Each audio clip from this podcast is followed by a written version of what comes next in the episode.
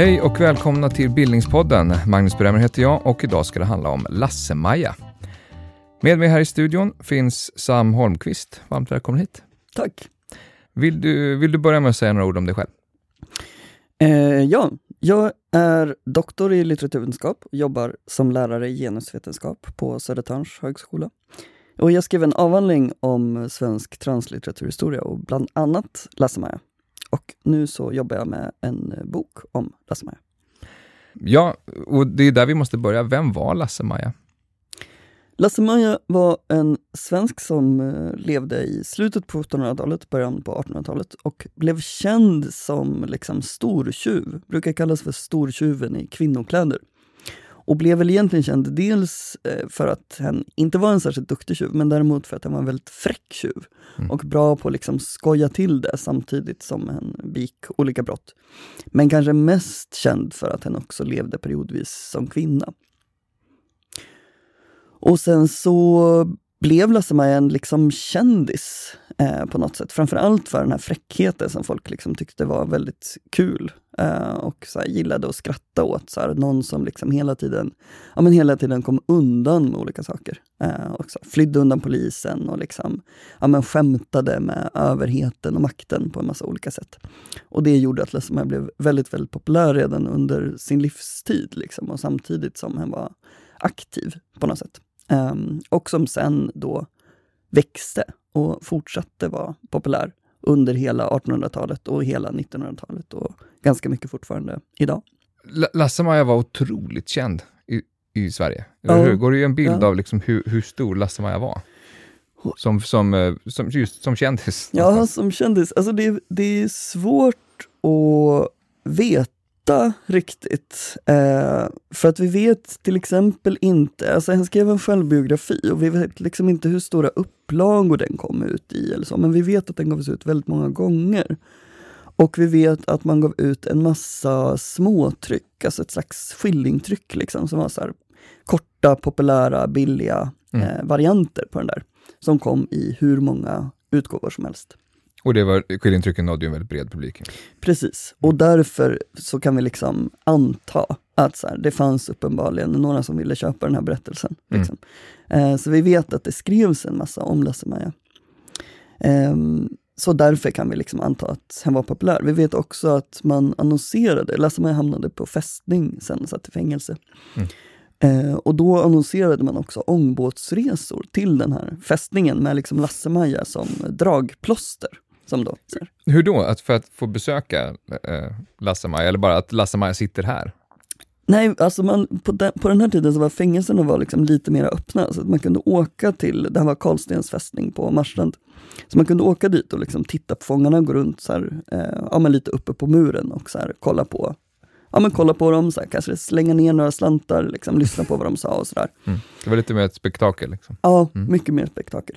Eh, så att, och under den här tiden som Lasse-Maja satt på Marstrand så blev det också en turistort. Liksom. Så att det var då turister som också ja, men dels där, allmänt ville komma till den här fina och gulliga staden, men också titta på den här fästningen. Och då speciellt titta på Lasse-Maja, eh, just för att den var så berömd. Men visst var det så också att eh, Lasse-Maja inte bara då skrev den här självbiografin som vi ska återkomma till eh, under tiden i fängelse, utan också eh, berättade historier eh, för, för personer som, som kom på besök? Eller, eller ja men precis, alltså dels då för de här liksom, allmänheten som kom och, och tittade på fångarna. Liksom. Um, men också för, uh, alltså det sägs i alla fall, åtminstone för kronprinsparet, um, mm. Oscar den uh, första, borde det väl ha varit, mm. och hans fru när de kom på besök och liksom skulle ja, men så här, lite inspektera den här fästningen så fick de också träffa Lasse-Maja och liksom höra så här, ja, men Lasse-Maja berätta sina historier. Mm. För att det var en kändis. Liksom. Mm. Ehm, eh, Lasse-Maja beskrivs som Sveriges Robin Hood. Var, varför då? Alltså enligt sig själv så skäl ju Lasse-Maja bara från de rika och ger till de fattiga. Mm. Um, I verkligheten så var väl det inte riktigt sant, eller faktiskt inte sant. Så det är Lasse-Majas egen, eget epitet sätt vis? Ja, precis. Lasse-Maja använder det inte själv. Nej, liksom. nej, men, men men däremot så är det det, liksom Lasse-Majas beskrivning av sig själv. Mm. I själva verket så var det mer som att ja, Lasse-Maja stal från alla möjliga liksom, och gav till sig själv och Mm. sina kompisar. Det, det är ju en eh, stor mytbildning kring den här personen, Ja, som Lasse-Maja uppenbarligen själv är, är delaktig i. Så att Ja. säga. Men det finns väldigt många olika typer av bilder. Vad skulle du säga, finns det någon vanlig missuppfattning som, som du, du stöter på ofta? Men den vanligaste missuppfattningen är väl att Lasse-Maja klädde ut sig till kvinna. Eh, och att det var liksom en förklädnad som han bara antog för att komma undan polisen eller liksom gömma sig på olika sätt. Lite Jönssonligan sådär. Ja, Mm. precis. Mm. Eh, det, är en, ja, men det skulle jag säga är den absolut vanligaste missuppfattningen som väldigt många människor fortfarande tror är sann. Mm. Om du vill korrigera den då? Jo men den har egentligen ingen, alltså vi vet ju inte, men vi kan inte fråga Lasse-Maja, han är död sedan hundra, ja, många år tillbaka. Eh, så vi vet ju inte egentligen, liksom. men det vi vet om Lasse-Majas liv, det är att han dels i ganska långa perioder levde som kvinna. Eh, och vi vet också att han verkar ha levt, verkar ha levt som kvinna i perioder när det inte alls liksom har någon funktion. Eh, I den här självbiografin, så när han liksom ska beskriva sin första omklädning, så här, första gången som han tar på sig en klänning, då säger han att ja, men så, då kommer jag också på den här idén att så här, ja, men om jag liksom utger mig för att vara kvinna så kan jag också liksom fly den här orten och komma undan. Så här. Mm. Men efter dess så beskriver han liksom hur många episoder som helst där det i själva verket är ganska opraktiskt att vara kvinna. Det är mycket besvärligare. Eh, det är ganska ofta så att han byter om till manskläder när han ska ge sig ut på någon form av liksom så här, eh, ja, men inbrott eller vad det är, för det är mycket mer praktiskt. Mm. Men de här kvinnokläderna, de verkar egentligen mer vara till besvär. Inte minst just eftersom Lasse-Maja efter ett tag blir väldigt, väldigt känd. Och då, eftersom alla känner till den här stortjuven i kvinnokläder, så gör det att ja, men när det kommer liksom en främmande kvinna till en ort och lite så här, ja, men, ser ut som en fattig kvinna helt enkelt, så antar väldigt många att så här, ja, men det här måste vara Lasse-Maja. Mm. Så här, Alltså Lasse-Maja blir liksom upptäckt just för att han lever som kvinna. Så det är ganska uppenbart att det är mer än en förklädnad? säga. Ja, det Mm. är väldigt uppenbart. Eh, och till det kommer ju också det att så här, Lasse-Maja får ju kämpa ganska mycket från början för att kunna leva som kvinna. Alltså mans och kvinnosysslor var ju liksom väldigt uppdelade. Så att när Lasse-Maja var barn så hade han ju inte fått lära sig några sådana kvinnosaker. Liksom. Mm. Utan det är istället så att efter att han har börjat liksom, leva som kvinna så går han igenom liksom en massa arbete för att lära sig alla de här liksom fruntimmersgöromålen av att laga mat och baka och ta hand om djuren och allt sånt som kvinnor gjorde.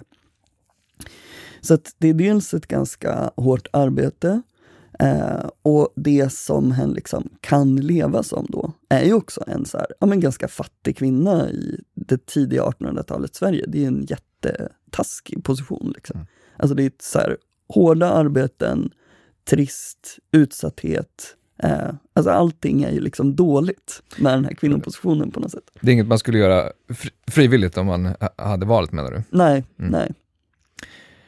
För, för när Lasse-Maja beskrivs, ganska ofta än idag, så, så står, det, st- står Lasse-Maja som han. Ja, Ehm, och, och, och sen möjligtvis då som transvestit eller att man har Ja. Lasse-Maja levt så på något sätt. Men du säger eh, konsekvent hen ju. Varför är Ja. det viktigt? Alltså jag tänker att skulle man vara liksom riktigt sann mot Lasse-Maja eh, och sann framförallt då mot Lasse-Majas bild av sig själv som då finns i den här självbiografin. Då tänker jag att man snarare skulle egentligen växla pronomen eh, och säga liksom han ibland och hon ibland. Men det är språkligt ganska svårt, särskilt när man pratar om liksom Lasse-Maja i allmänhet. Sådär. Mm. Så därför blir hen ett väldigt mycket enklare pronomen att använda. Mm. Men jag tycker att han blir ju bara fel. Eh, alltså Lasse-Maja är ju kvinna i många perioder. Liksom. Så det finns inte riktigt någon anledning till att säga han. Både du och jag är födda tidigt eh, 80-tal. Jag tänker i vår generation är det kanske inte en majoritet som vet vem Lasse-Maja var. Eh, Medan i vår föräldrageneration så är det eh, definitivt en majoritet Tror jag, ja. som, som, åtminstone Lasse-Maja är betydligt mer känd då. Ja. Vad tror du det här glappet beror på? Alltså det kom en tv-serie om Lasse-Maja eh, på 70-talet. Och den har gått ganska många gånger. Eh, så jag tror att vår föräldrageneration, de har sett den tv-serien. Mm. Och det är generellt så, alltså jag har föreläst ganska mycket om Lasse sådär och då är det liksom, ja men så här, har man bott i Sverige från 70-talet eller tidigare, då vet nästan alla vem Lasse-Maja är. Uh, och sen också folk som kommer från västkusten, för de får mm. ofta lära sig i skolan, just för att Lasse-Maja satt på Marstrand. Eller om man kommer från liksom Arboga eller Örebro-trakten, så har det också varit så här, ja, men någonting som tas upp i skolan. Så. Ja, för där var, var Lasse-Maja äh, verksam som brottsling ganska mycket. Lasse-Maja kom från liksom en liten by utanför Arboga äh, och satt också en del på, i Örebro på fästningen där. Ja, men det är kanske läge att säga något mer om var Lasse-Maja kommer ifrån. Ja. Eh, Lasse kom från en, ja, men en liten by, en så ganska enkel familj. Eh, enligt sig själv, återigen i den här självbiografin som då är ganska skrävlig, så är Lasse familj ganska, ganska välbärgad från början. Um, och det stämmer, alltså Lasse beskrivning av sin familj stämmer inte riktigt. Men det stämmer att här, de hade lite pengar och sen så strax innan Lasse föddes så blev de ganska fattiga. Och bodde i ett litet torp eh, hemma hos Lasse pappas mamma och syster. Så det var där som Lasse-Maja föddes. Mm. Som Lars Molin, ska vi kanske säga? Som Lars, ja, som Lars Larsson faktiskt. Lars Larsson, jaha. Ja, de mm. heter Larsson och sen så tog Lasse-Maja efternamnet Molin som mm. vuxen. Mm. Vad vet vi mer om, om uppväxten? Inte så hemskt mycket. Vi vet att Lasse-Maja eh, var ganska, liksom, eh, vad ska man säga, en, en, en stökig tonåring, liksom, mm. som vi hade kallat det idag. Mm. Eh, ja, men i, så här, det gjordes ju sådana här husförhör och så där prästen kom och kollade att man kunde läsa och skriva och då säger man hela tiden om Lasse-Maja att så här, ja, men Lasse-Maja kan ingenting, kan inte läsa, liksom så här, är bara allmänt dålig på alla sätt. Eh, enligt sig själv så börjar det när Lasse-Maja ska liksom läsa till konfirmationen eh, och då upptäcker en att det är mycket roligare att så här, ja, men smita från den här läsningen och istället hänga med sina kompisar och spela kort och dricka sprit. Mm. Uh, och sen så börjar Lasse med liksom att så här, ja, men lite så här, mm, göra små, små inbrott i trakten, liksom, stjäla någon säd och sälja till någon granne och sådana saker. Så ganska um, klassisk ungdomsbrottsling? Ja, mm. precis. Och sen så stjäl en så småningom från sina föräldrar mm. eh, som har liksom fått ett arv av så här, ett antal liksom, silvermynt som Lasse-Maja börjar så här, ja, men, norpa åt sig av, helt mm. enkelt. Och bara så här, ja, men lite små saker för att kunna så här, köpa brännvin och bjuda kompisarna på. Mm. Och, och, det där fortsätter då, kort sagt? Det fortsätter eh, och sen så åker Lasse-Maja fast eh, och rymmer då från, så här, eller föräldrarna får reda på att så här, ja, men det är hen som har tagit de här pengarna. Eh, och då rymmer den hemifrån och eh, hamnar istället hos sin dåvarande flickvän och hennes föräldrar. Den här flickvännen är typ 30 eh, vid det laget. Lasse-Maja är 14-15 år, så ganska mycket yngre. Och snarare ja, men vad vi kanske skulle kalla någon slags grooming om det var idag. Men vi mm. vet inte så mycket om vad de hade för relation. Men Lasse-Maja mm. beskriver dem som ett kärlekspar. Eh, och det är där som hen då också för första gången, så här, ja, men lite enligt sig själv, bara får ett infall att så här, ta på sig en av hennes klänningar. Och då upptäcker att så här, ja, men, hen blir väldigt, väldigt snygg. Och den här flickvännen blir väldigt förtjust och så här, ja, men också ropar på sina föräldrar, bara kom och kolla hur snygg Lasse blev. Liksom. Mm. Och så blir alla jätteförtjusta. Och då tänker Lasse-Maja att, ja men varför inte? Jag kan vara kvinna istället. Så det, det är där det börjar? Det är där det börjar. Mm. Uh, och sen så får då Lasse-Maja efter dess, så ger han sig ut, skaffar sig ett jobb som kvinna men har då lite svårt just med de här kvinnosysslorna och kommer tillbaka igen till den här flickvännen och hennes föräldrar och får då lära sig liksom, eh, ja, men de här kvinnosysslorna ordentligt av den här flickvännen Maja och hennes mamma. Så övar sig då en hel vinter enligt sig själv. Och, men eh, acceptansen för detta i, i, den här familjen verkar vara rätt stor? Ja, de har inga alls problem med det här, mm. vad det verkar. Um, utan sen så efter att Lasse-Maja då har lärt sig alla de här kvinnogrejerna så ger sig Lasse-Maja och den här Maja iväg. Liksom. Eh, och det är egentligen där som det här smeknamnet Lasse-Maja också dyker upp. Liksom. För Lasse-Maja kallas för Lasse och den här flickvännen heter Maja. Och sen så har, skaffar de sig liksom identitetshandlingar, vilket de behöver för att kunna resa från orten, genom Majas namn. Mm. Så då blir liksom Lasse blir Maja. Eh, och sen så får de jobb tillsammans som eh, Lasse-Maja blir hushållerska och Maja blir piga åt henne. Liksom. Men har Lasse-Maja en identitet, han, identitetshandling den här tiden som Lasse-Maja? Nej, Nej, som Maja. Som Maja. Ja. Mm. Mm. Eh, så då eh, blir liksom, Lasse-Maja blir på pappret då flickvännen Maja. Ja, de delar på identiteten? Precis, de delar på identiteten okay. kan man säga. Men det här, är en, det här är en tid som är rätt fri från, från, från brott? Eller? För, för Lasse-Maja? Ja, eh, det är det. det, är mm. det. Eh, utan då söker de ju jobb, liksom, helt mm. lagligt. Så. Och ja, men får jobbet. Mm. Eh, och så här, jobbar en tid. Liksom. Och egentligen så går allting ganska bra. Eh, tills de vid ett tillfälle blir osams och eh, Maja avslöjar då liksom, att Lasse-Maja har tilldelats manligt kön tidigare och heter Lasse. Mm. Eh, och då blir det lite bråk och framförallt så blir det bråk egentligen därför att eh, Lasse-Maja samtidigt också har liksom vägrat ligga med deras gemensamma chef, alltså husbonden i det här hushållet. Liksom. Som har anställt bägge två egentligen för att han tycker att Lasse-Maja är så snygg och har då förväntat sig att de ska börja ligga med varandra.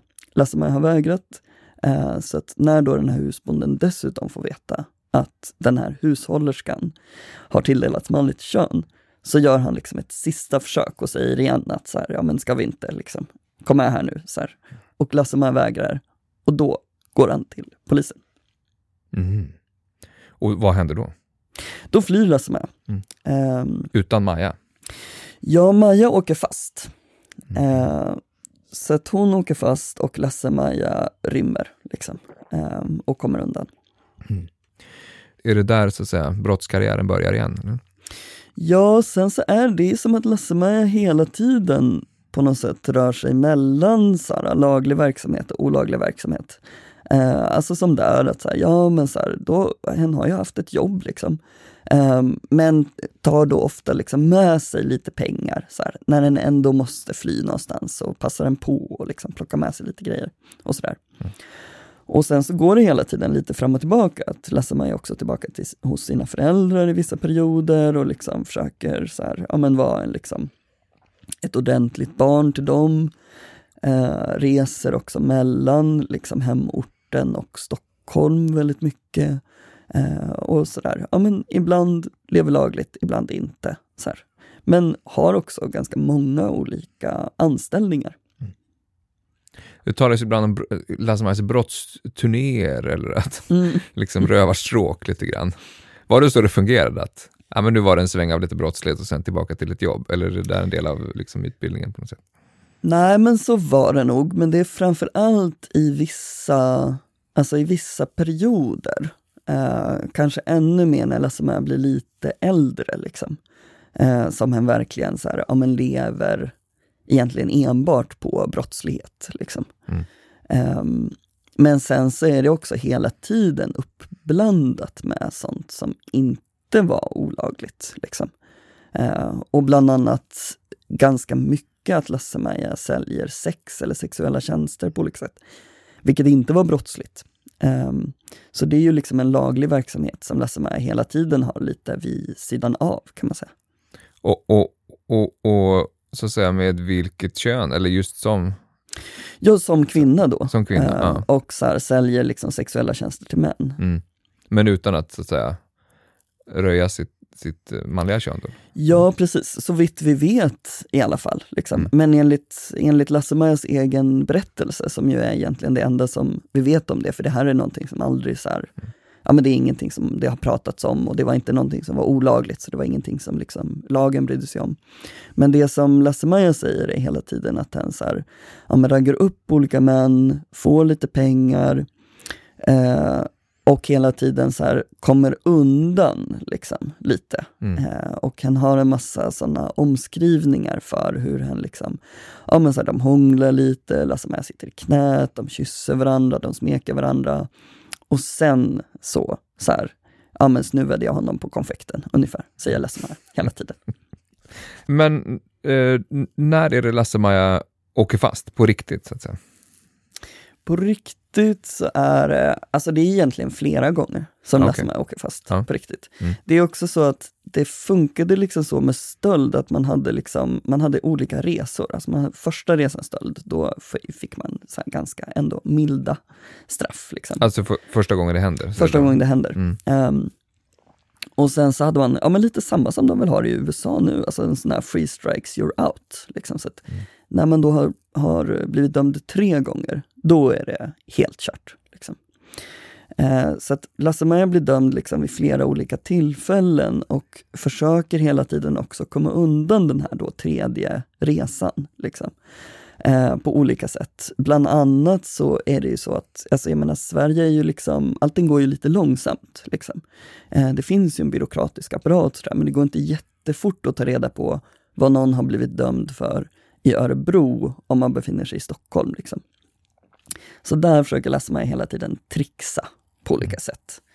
Ehm, men blir liksom där, jag har för mig det är 1813, men jag kan komma ihåg fel, eh, som han blir dömd för tredje res- resans stöld och då blir dömd till livstidsfängelse och inte kan komma undan.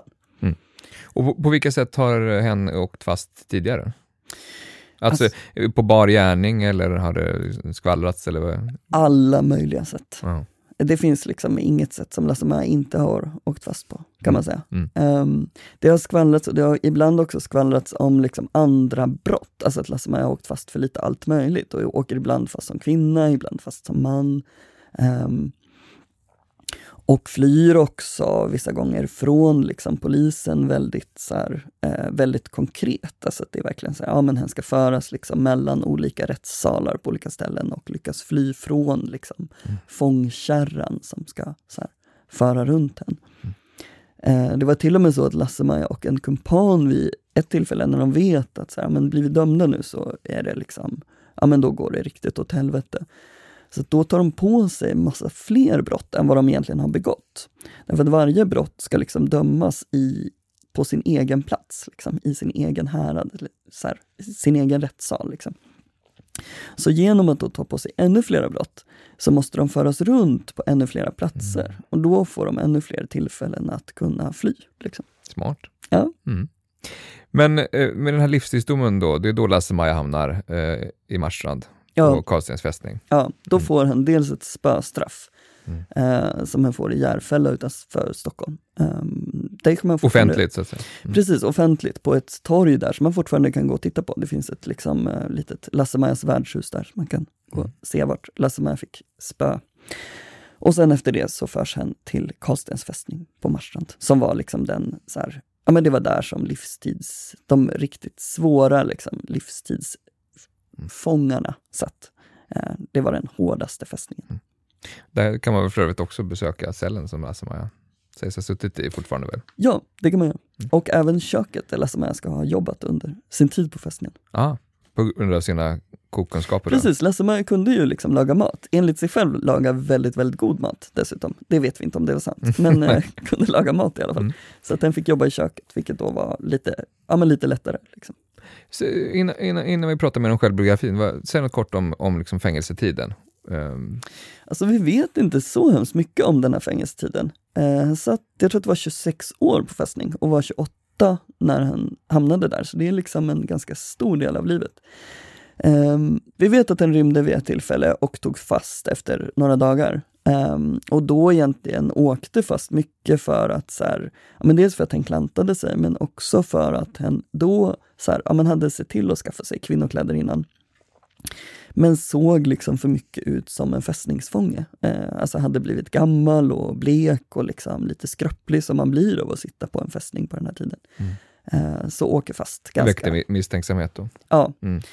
Så då åker den fast ganska direkt eh, och kommer tillbaka till fästningen igen och liksom, ja, får sitta kvar. Mm. Och sen så ansöker han om nåd, vilket man då kunde göra eh, ganska många gånger. Och får avslag hela tiden, fram tills eh, ganska sent i livet.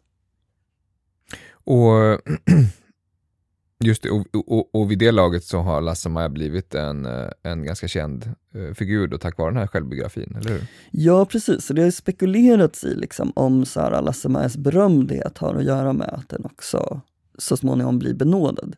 Det är väldigt svårt att veta om det stämmer. Um, Men det sägs väl att, att ja, du var inne på att uh, kronprins Oscar Eh, ja. Bjöd Lasse-Maja till sin, sin båt var det väl? Ja eh, precis, men det är egentligen tidigare, utan det som det liksom brukar, det som man brukar säga, som finns en sån myt om Lasse-Maja, mm. det är att kungen också kom till Marstrand. Mm eh, och ska då ha blivit så imponerad av liksom Lasse-Majas matlagning, eh, så att han benådade Lasse-Maja. För kronprinsen var ute efter historier va? Sägs det. Precis, Kronprins, alltså kronprinsen var också väldigt intresserad av fängelser och fångvård. Liksom. Ah, okay. mm. uh, han var som progressiv liksom, fångvårdsförespråkare, så han var nog mest intresserad av liksom, att så här, ja, men, prata med fångar. Liksom. Ah, okay. mm. uh, och sen så fick väl, alltså, enligt myten i alla fall, hans fru liksom, uh, blev då lite underhållen så, av mm. Lasse-Maja, okay. den berömda fången. Okay. Men det här med att kungen ska ha blivit imponerad av Lasse-Majas matlagning, måste vi då ändå säga att det är faktiskt inte sant. Eh, och det har Lars Eriksson Wolke övertygande bevisat, som har skrivit en biografi om Lasse Maja. Mm. Det är en historiker? Det är en historiker och han har då visat att, ja men, eller visat, men han har så här, pekat ut att ja, men kungen var på eh, den här fästningen i en timme och mm. han sannolikt inte äta mat. Och definitivt inte bli imponerad. Men strax, eller strax, men eh, inte så hemskt långt efteråt i alla fall, så får då Lasse Maja äntligen liksom bifall på sin nådeansökan. Mm. Och vad, vad, vad, hur ser resten av Lasse-Majs dagar ut? Det vet vi nästan ännu mindre om. Mm. Eh, och det var inte så hemskt många år heller. Det är väl sex år tror jag som Lasse-Maja liksom lever efter att ha blivit fri. Då är han med tidens mått ganska gammal. Eh, jag tror att det är 54 som henne när han kommer ut från fästningen. Eh, och då så lever en lite sådär kringflackande liv. Eh, mycket verkar det som i Arboga, eh, där hennes bror fortfarande bor och driver en krog. Liksom. Sen finns det en massa berättelser om att Lasse-Maja ska ha rest runt och liksom uppträtt under de här åren. Vi vet att han gjorde det åtminstone vid så här, två tillfällen. Um, troligen oftare, men eh, det är lite osäkert. Liksom. Det var inget som annonserades överdrivet mycket då, eller? Det är ingen som har tittat på det än, men mm. det finns de, det vill säga jag, som har tänkt att de ska göra det mm. inom kort. Så om, om vi hade spelat in det här om några veckor så hade jag kunnat svara på det. Det låter, det låter som ett spännande spår. Ja. Eh, självbiografin då, vad vet, ja. vi, vad vet vi om, eh, om tillkomsten? Eh, återigen, det är som att jag svarar på alla frågor med inte så mycket.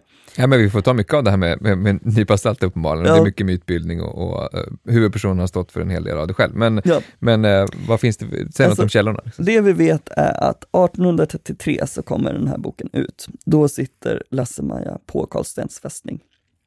Det vi också vet är att Lasse-Maja inte troligen kunde skriva själv. Um, och det var också det vanliga hos liksom, befolkningen vid det här laget. Man kunde läsa hjälpligt men inte skriva. Så att någon har liksom hjälpt Lasse-Maja med så här, nedtecknandet av det här. Uh, antagligen också redigerat det lite och hjälpt till med liksom själva utgivningen. Men det vet vi inte vem det är? Nej, men det finns spekulationer och det finns liksom kvalificerade gissningar. Mm. Så. Um, men det man också har kunnat titta på, det här är, finns det väldigt lite forskning om, um, men man har kunnat se att den är skriven i en liksom muntlig tradition. Och Den ger intryck av att vara muntligt berättad. Mm. Så ett ganska sannolikt så är det så att Lasse-Maja helt enkelt satt sig ner med en människa som har ja, men nedtecknat mm. muntliga berättelse. Liksom. Men vet man något om vems initiativ det var? Lasse-Majas eget? Eller det finns ett brev som ska vara från Lasse-Maja. Eh, där Lasse-Maja skriver och liksom säger att så här, men jag har tänkt att jag vill skriva min självbiografi. Jag tror att det skulle bli en storsäljare. Vi kommer bli jätterika. Kom igen, är du på? Mm. Liksom. Mm. Vi vet däremot inte riktigt om det här brevet är äkta. Eh, det mm. hittades av en hembygdsförening för 10-20 år sedan. Um, mm, det kan vara äkta. Mm. Ja, så det kan mycket väl vara äkta och det är från 1832 om jag inte minns fel. Så det skulle stämma i tid liksom och sådär. Um, men vi kan inte veta säkert. Okej, okay, men så det, det, det är inte helt otroligt att Lasse-Maja skulle uh, ha, ha, tagit det här initiativet? Ändå. Nej, det är inte alls osannolikt. Uh, men däremot så har han ju helt klart fått liksom hjälp på, mm. på något och antagligen ganska många sätt. Mm. Men vi kan vara men, säkra också på att, det är, att, att innehållet någonstans kommer från Lasse-Maja ändå? Ja, att det, det finns liksom, fiktion. Ja men precis, det är också en sån där myt som har sagts ibland, att Lasse-Maja inte alls var inblandad i den här boken. Eh, men det verkar också väldigt osannolikt. Eh, mm. För att ja, men innehållet ger liksom fullkomligt intryck av att så här, vara skrivet av dels någon som är väldigt välbekant med alla händelser i Lasse-Majas liv, Eh, men det är också just den här muntliga stilen som gör mm. att så här, ja, men det verkar som att så här, den person som har liksom berättat det här är inte jättebevandrad i liksom skriftlig tradition, mm. utan snarare i muntlig. Eh, och det gör också paradoxalt nog att den här självbiografin på många sätt är ganska tråkig att läsa idag. Därför att den är skriven på ett sätt som liksom inte alls riktigt påminner om ja, men hur, vi, så här, hur vi skriver romaner nu för tiden. Mm. Eh, det finns liksom inte en så tydlig början och så här, upptrappning och slut eller något sånt där, utan det är snarare en, ja, men en väldigt lång räcka med anekdoter mm. liksom, mm. på en halv sida var, i 200 sidor. Så det blir jättetråkigt att läsa. Ganska många bra anekdoter visserligen. Det är jättebra anekdoter, men de är liksom mer så gjorda i traditionen av att, alltså jag tänker mig att man har läst det här högt, liksom, mm. väldigt mycket. Mm. Eh, och då blir det liksom, ja men en historia och sen skrattar man och så går man vidare. Liksom. Vad är du själv mest fascinerad av med, med den här eh, med självbiografin som, ja, som text, som verk? Jag tycker att det som är mest spännande med, med självbiografin tror jag, det är att den innehåller så mycket information. Och att det är eh, också ganska unik information. För att vi har, vi har väldigt få självbiografier av fattiga människor från den här tiden överhuvudtaget. Och eh, också väldigt få självbiografier av kvinnor. Så vi har oerhört få självbiografier av fattiga kvinnor. Och egentligen ingen självbiografi så här tidigt av någon som har växlat kön. Mm. Så det liksom finns flera saker i det här som gör att den här berättelsen är väldigt unik. Och det gör också att man kan få veta veta saker som vi liksom inte får veta någon annanstans. Som vad då till exempel? Ja, men till exempel eh, så får vi liksom den självupplevda berättelsen av så här, vad, hur det funkade att sälja sex i Stockholm eh, och Sverige vid den här tiden. Och det har liksom inte sexsäljare själva berättat om. Eh, andra har berättat. Så här, torskar har berättat och liksom så småningom kommer också en, liksom, eh, en bordellägarinna som berättar. Eh, men just det här med så här, ja men hur funkar det att liksom bara vara en helt vanlig fattig kvinna som försörjer sig på lite alla möjliga olika sätt och då och då så här, ligger med folk för pengar. Som var troligen ganska, eller till och med väldigt vanligt. Så här, hur var det och hur kändes det och hur upplevdes det? Liksom? Då har vi den här självupplevda berättelsen. Uh, vad är det för sorts liksom, självbild som gestaltas i det här verket? Är, får man en känsla för en personlighet och, och hos, hos Lasse-Maja? Ja, det är en ganska grandios självbild, mm. ärligt talat. Mm. Alltså, Lasse-Maja är ju en skrävlare. Mm. Och Lasse-Maja är ju en historieberättare eh, som framhåller sig själv på liksom bästa sätt. Inte som någon sån här fantastisk människa, utan snarare som en antihjälte som liksom, ja men hela tiden klantar sig och hela tiden så här, det går liksom hela tiden åt skogen. Men som hela tiden är väldigt charmig, väldigt, väldigt, väldigt snygg. Mm. Eh, och liksom, ja men så här, verkligen charmar alla. Eh, och klarar sig på det sättet, även om det hela tiden också går åt helvete. Mm. Det är ju en återkommande sak i, i självbiografin och liksom utbildningen kring, kring eh, Lasse-Maja, att att hen är så oerhört vacker. Alltså exceptionellt ja. vacker. Och, och Lasse-Maja tar upp det själv, men det finns ju också eh, skäl att uh, tro att det här är något som, ja, baserat på de historier som berättas, att det var, det var en skönhet som stod ut. Ja. Vad är det du tycker är intressant med det, just med tanke på att det, är en, det då i början är en, en, en ung man som, som sätter på sig Eh, kvinnokläder?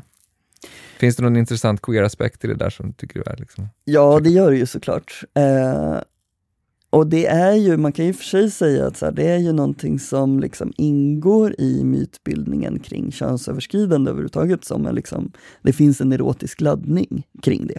Och det är någonting som, man, som på något sätt ingår i den västerländska berättelsen om könsöverskridande. Men som Lasse-Maja berättade så är det ju mer att hen är snygg som kvinna. Eh, och sen så kan vi ibland också se att han beskriver en liksom erotisk laddning för just det könsöverskridande uttrycket, där människor ibland är väldigt liksom, ja, men fascinerande och vill titta på när Lasse-Maja tar på sig sina lösbröst och liksom vill titta på när han friserar sig själv och kammar sitt hår och sådär för att ja, men de tycker att det är hett, helt enkelt, uppenbarligen. Liksom. Eh, så jag tänker ju att Lasse-Majas berättelse på många sätt också kan fungera som en, en påminnelse om att liksom, ja, men den, den bild som vi har av könsöverskridande idag också är ganska, den är ju just idag och det är inte den som alltid har varit. Så jag tänker att det finns absolut en potential i att tänka kring hur, hur självklart det verkar för både för Lasse-Maja men också för hennes omgivning att hen går igenom de här könsväxlingarna. Det är liksom ingenting som eh, någon tycker är särskilt dåligt eller upprörande eller, eller särskilt konstigt. Liksom. Utan det får vara ganska självklart. Liksom. Du, eh, det går att inordna den här, det här verket i en liksom, litterär genre som man brukar kalla för skälmen, eller ja. pikaresken. Kan du säga något mer om, om, om det? Men man kan liksom se det som en sån eh, pikaresk-roman, eller Lasse-Maja som man själv just för att hen hela tiden, så här, ja, men dels den här, så här, rörelsen som är ganska typisk för den genren, alltså att man flyttar sig mellan olika platser. Men framför allt att man sparkar uppåt, liksom. alltså att man skämtar med makten eh, och då förlorar såklart. För att så här, makten kommer alltid vinna. Liksom. Så här, man har ingen makt om man står i en rättssal liksom, eh, inför en domare som har alla bevis på sin sida eh, med en massa liksom, eh, poliser som vittnar emot en, så har man ingen chans att vinna. Men man kan däremot skoja. Liksom.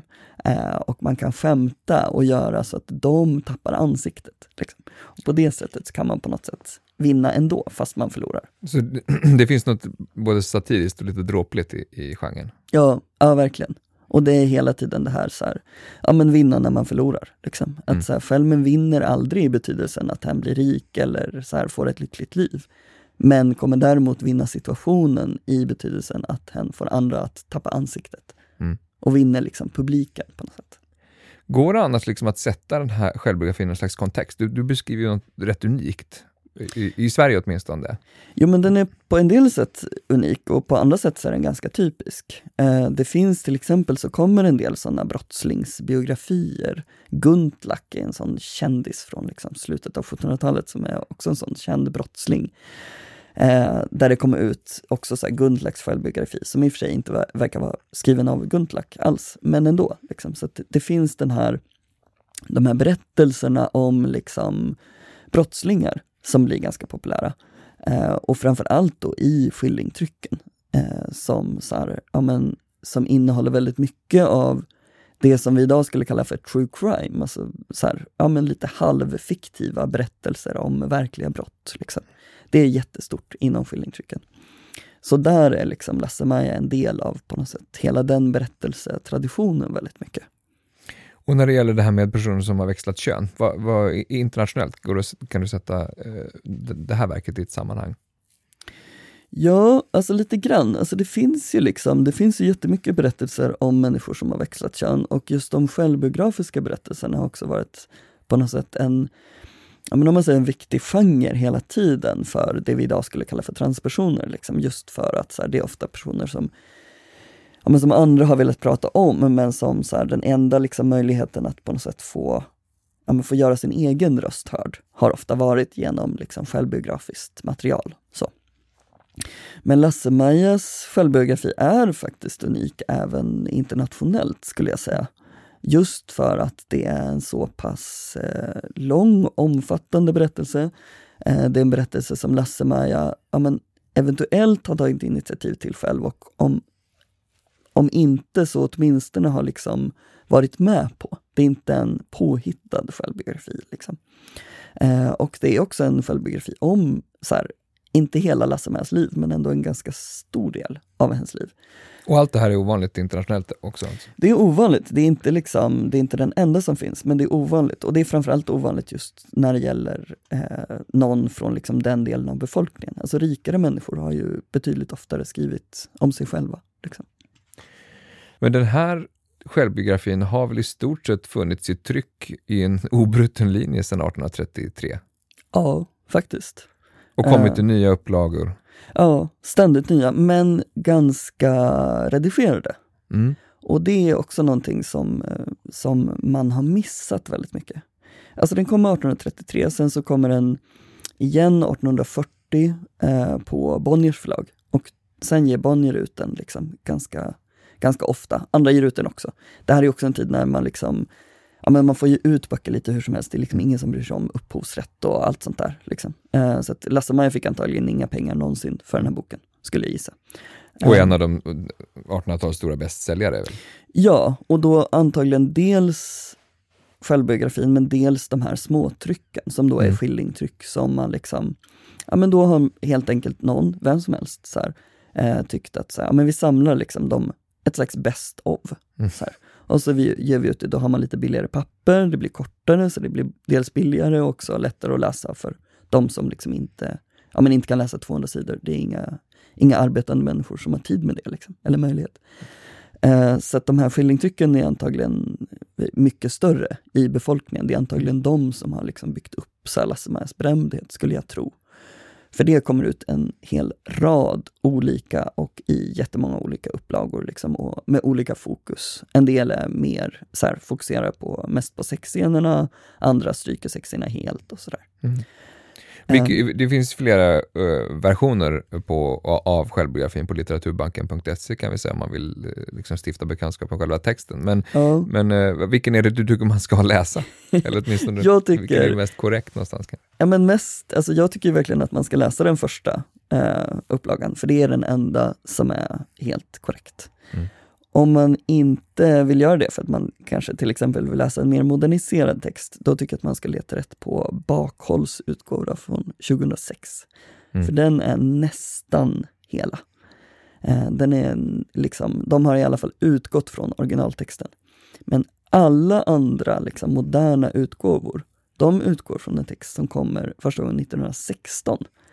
Eh, och det är när Bonniers förlag bestämmer sig för att då har det liksom gått Eh, ett tag sedan senaste självbiografin har kommit ut, 15-20 år någonting. Och så tänker de att så här, ja, men nu är det dags igen och då gör de en, det som de kallar för liksom, en serie med de gamla folkböckerna. Så då är det liksom som att så, ja, men nu ska vi ge ut en gammal klassiker. Och då moderniserar de den ganska mycket och klipper bort ungefär en femtedel av texten. Så det blir en ganska kraftigt förkortad liksom, utgåva. Den går från 200 sidor till 120 eller något sånt där. Mm. Och det är den utgåvan från 1916 som man sedan har gett ut igen och igen på både 1900-talet och 2000-talet faktiskt. Mm. Och då har man inte sagt det, utan det har liksom framstått som att ja, men nu gör vi ut den här självbiografin, det verkar som att det är hela texten. Ibland har förlagen till och med skrivit att så här, nu ger vi ut hela texten. Inga ändringar. Men i själva verket så är det versionen från 1916. Mm. En annan sån intressant utgivningshistorisk sak har ju den här första versionen mm. är tryckt i, i uh, Antiqua. Ja.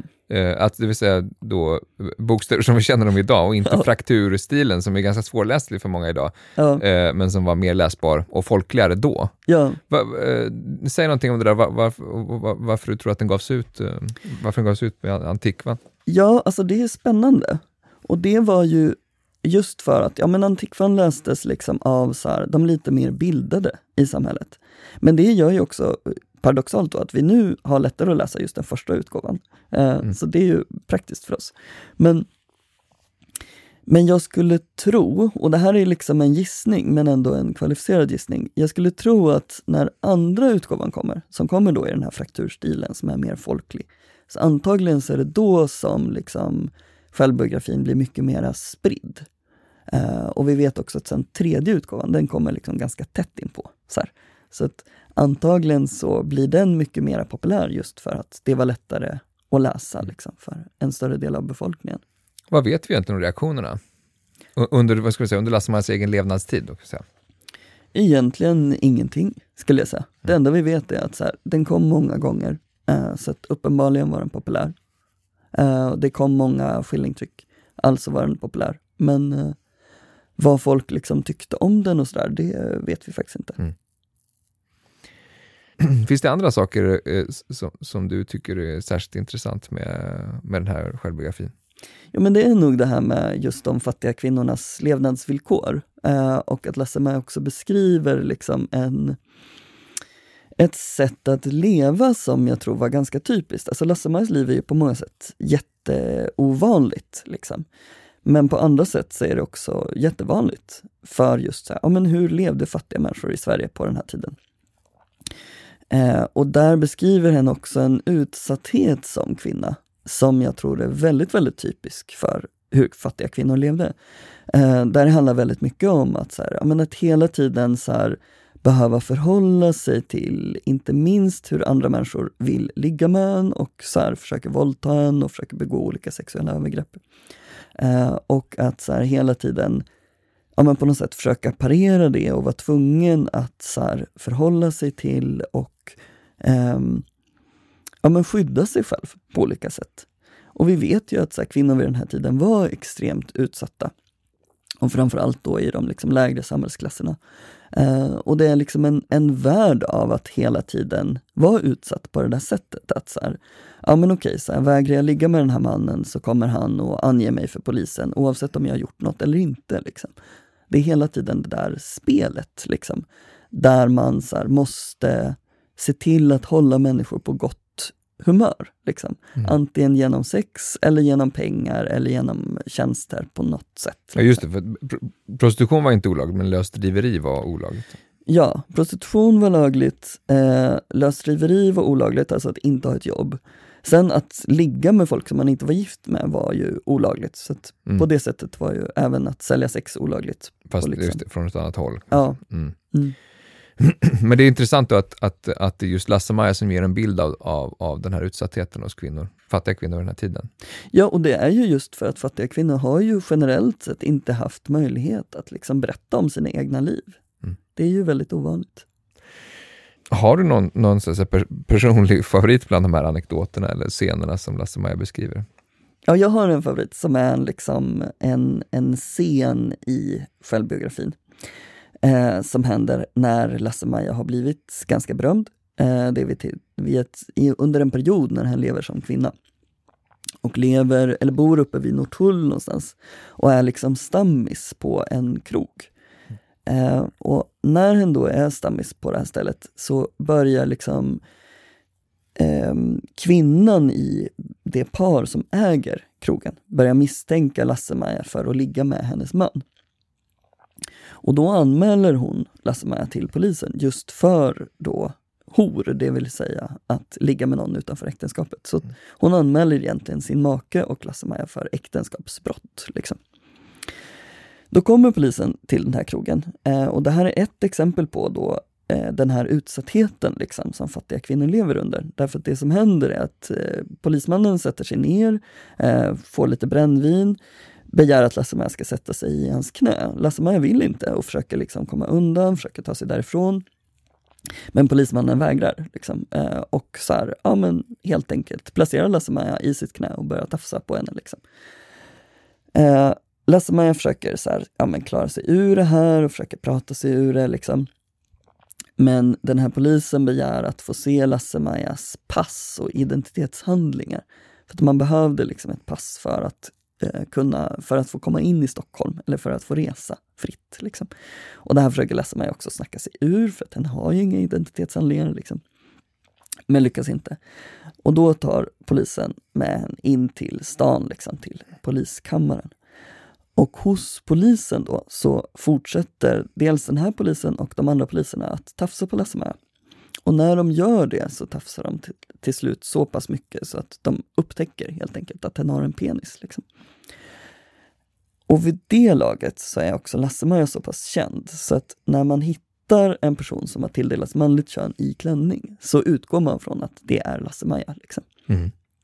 Alltså inom polisväsendet då, för det här är före självbiografin. Det återberättas. Ja, precis. Det här är någonting som Lasse-Maja återberättar i självbiografin.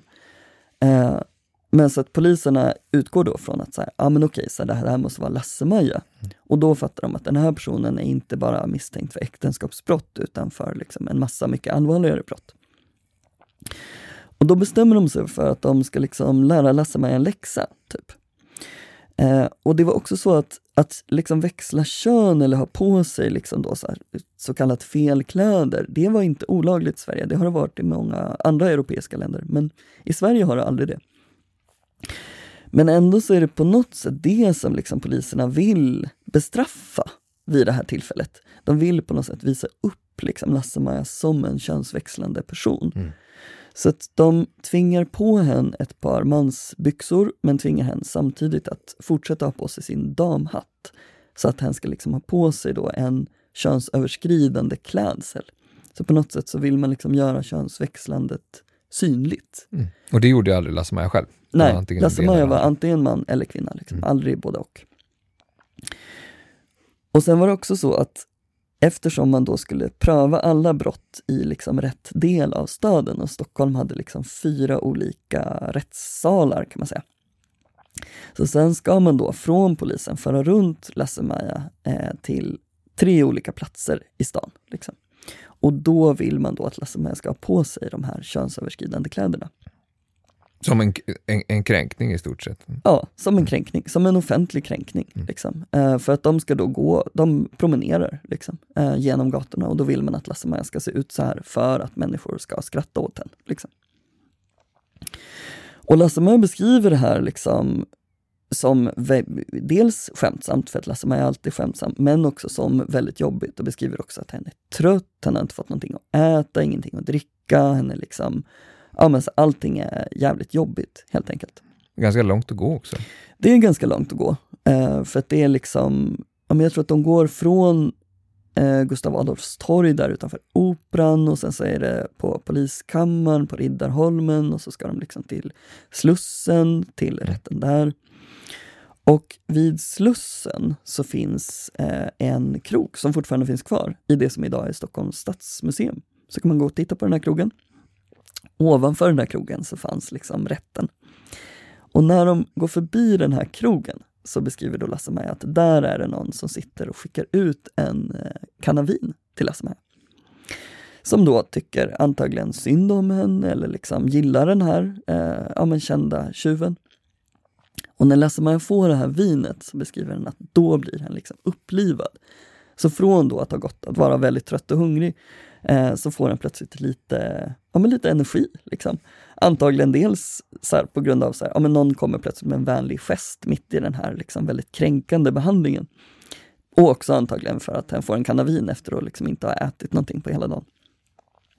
Så Lasse-Maja blir plötsligt väldigt glad och tar då tag i liksom, eh, de så här, rep som henne fast, eh, ja, men, sitter fast i och börjar liksom svänga runt med den polisman som håller i Lasse-Maja.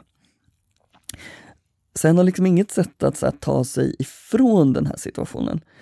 Eh, men kan däremot på något sätt få den här polismannen att liksom börja dansa över gatorna istället för att vara den som håller i Lasse-Maja. Så Lasse-Maja mm. blir liksom den som styr polisen istället för att polisen styr Lasse-Maja. Vad är det du tycker är mest intressant i den här scenen också som, den, som Lasse-Maja framställer den? Det som är spännande tycker jag, det är just att Lasse-Maja tar makten och i det också tar makten över folkmassan. Därför att polisernas hela syfte med det här är ju att kränka Lasse-Maja och få människor att skratta åt Lasse-Maja. Och det gör de också. Och det bildas liksom en jättestor folkmassa. Och Lasse-Maja beskriver den här folkmassan från början som väldigt hotande. Det är liksom bara en vägg av människor som står där. Men när Lasse-Maja tar makten så vänder sig folkmassan. Eh, och folkmassan har ju liksom egentligen ingen sympati för polisen. Så här. De skrattar bara åt den som är roligast. Liksom. Så att när Lasse-Maja tar makten över polisen så blir folkmassan plötsligt istället på Lasse-Majas egen sida. Mm. Så det är liksom ett sätt att ta makten och utföra ett slags motmakt. Liksom. Just i en situation när det egentligen inte finns någon makt alls. Alltså Lasse-Maja har inget sätt att ta sig därifrån. Eh, Lasse-Maja sitter fortfarande fast, blir fälld i rätten och liksom, poliserna blir ju gissningsvis inte snällare liksom, av den här behandlingen. Mm. Men han vinner liksom en liten, liten kort stund genom att här, få folkmassan och skratten på sin sida. Du har analyserat det här i din avhandling utifrån Michel Foucaults teorier och just talet om motmakt. Ja. Är, det, är det särskilt viktigt att det är en, en, en, en scen som också är, är, är kränkande i det här fallet, tror du? Alltså eller, det, eller gäller det här för fler sidor av självbiografin som skrift också? Jag tänker ju att självbiografin i sig liksom också är ett slags exempel på motmakt, för att den är ett sätt att ta makten över sin egen berättelse innan självbiografin kommer ut så är Lasse-Maja redan känd. Liksom, så att andra människor pratar hela tiden om Lasse-Maja och liksom för vidare den här berättelsen på olika sätt. När självbiografin kommer så blir det istället Lasse-Majas egen berättelse. Eh, och då tar hen makten över berättelsen om sitt eget liv. Och även om vi idag, liksom, över 200 år senare, så har vi liksom på många sätt ändrat i den här myten och det finns en massa missuppfattningar och sådär. Men det är fortfarande så att grunden till vår förståelse om Lasse-Maja är Lasse-Majas egen berättelse. Och det är en berättelse som kommer underifrån. Liksom. På, vilket sätt, på vilka olika sätt tycker du att Lasse-Majas historia blir uh, viktig i uh, vår egen tid? Men jag tänker att Lasse-Majas historia idag är viktig dels Eh, dels eh, för den här skildringen av fattiga kvinnors livsvillkor, som just är väldigt ovanlig. Eh, och också såklart som en skildring av hur det var att överskrida kön. Så den är jätteviktig som ett liksom transhistoriskt dokument. Särskilt eftersom den har varit så himla mycket läst. Så det verkligen har varit en berättelse som i princip hela svenska folket har känt till, om än inte läst själva.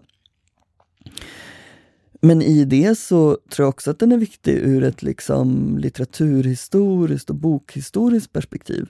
För att det är en av det fåtal berättelser som har liksom levt så länge i det på något sätt folkliga medvetandet. Det finns väldigt få berättelser som liksom alla svenskar har läst, särskilt icke-religiösa berättelser. Så i det så är den också unik som en liksom berättelse om om vad folket har läst, som då dessutom är skriven av en människa som faktiskt själv tillhör folket och inte tillhör överheten. Om man vill höra mer om Lasse-Maja så kan man läsa en essä som du har skrivit för Anekdot. Um, vad handlar den om? Den handlar om uh, Lasse-Majas sexcapades. Den handlar, sexcapades? Den handlar framförallt om Lasse-Majas uh, ligg eller eventuella ligg med män. Alltså jag har funderat lite på så här, vad Lasse-Maja egentligen menar när hen beskriver det här att hen liksom, ja, men sitter i knät på en man och kysser och smeker honom, men sen går därifrån. Eh, så att den handlar om eh, dels vad sex betyder för Lasse-Maja och vad inte sex betyder för Lasse-Maja. Och vad som egentligen är ett homosexuellt samlag 1810. Gå in på anekdot.se och läs eh, Sam Holmqvists essä om Lasse-Majas sexcapades. Tusen tack Sam Holmqvist för att du ville vara med i Bildningspodden. Tack så mycket. Och tack också ni som har lyssnat. Vi är tillbaka om ett par veckor med ett nytt avsnitt.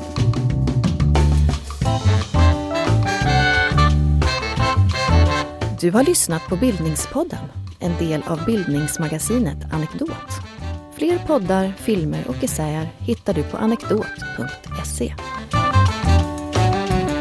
Thank you.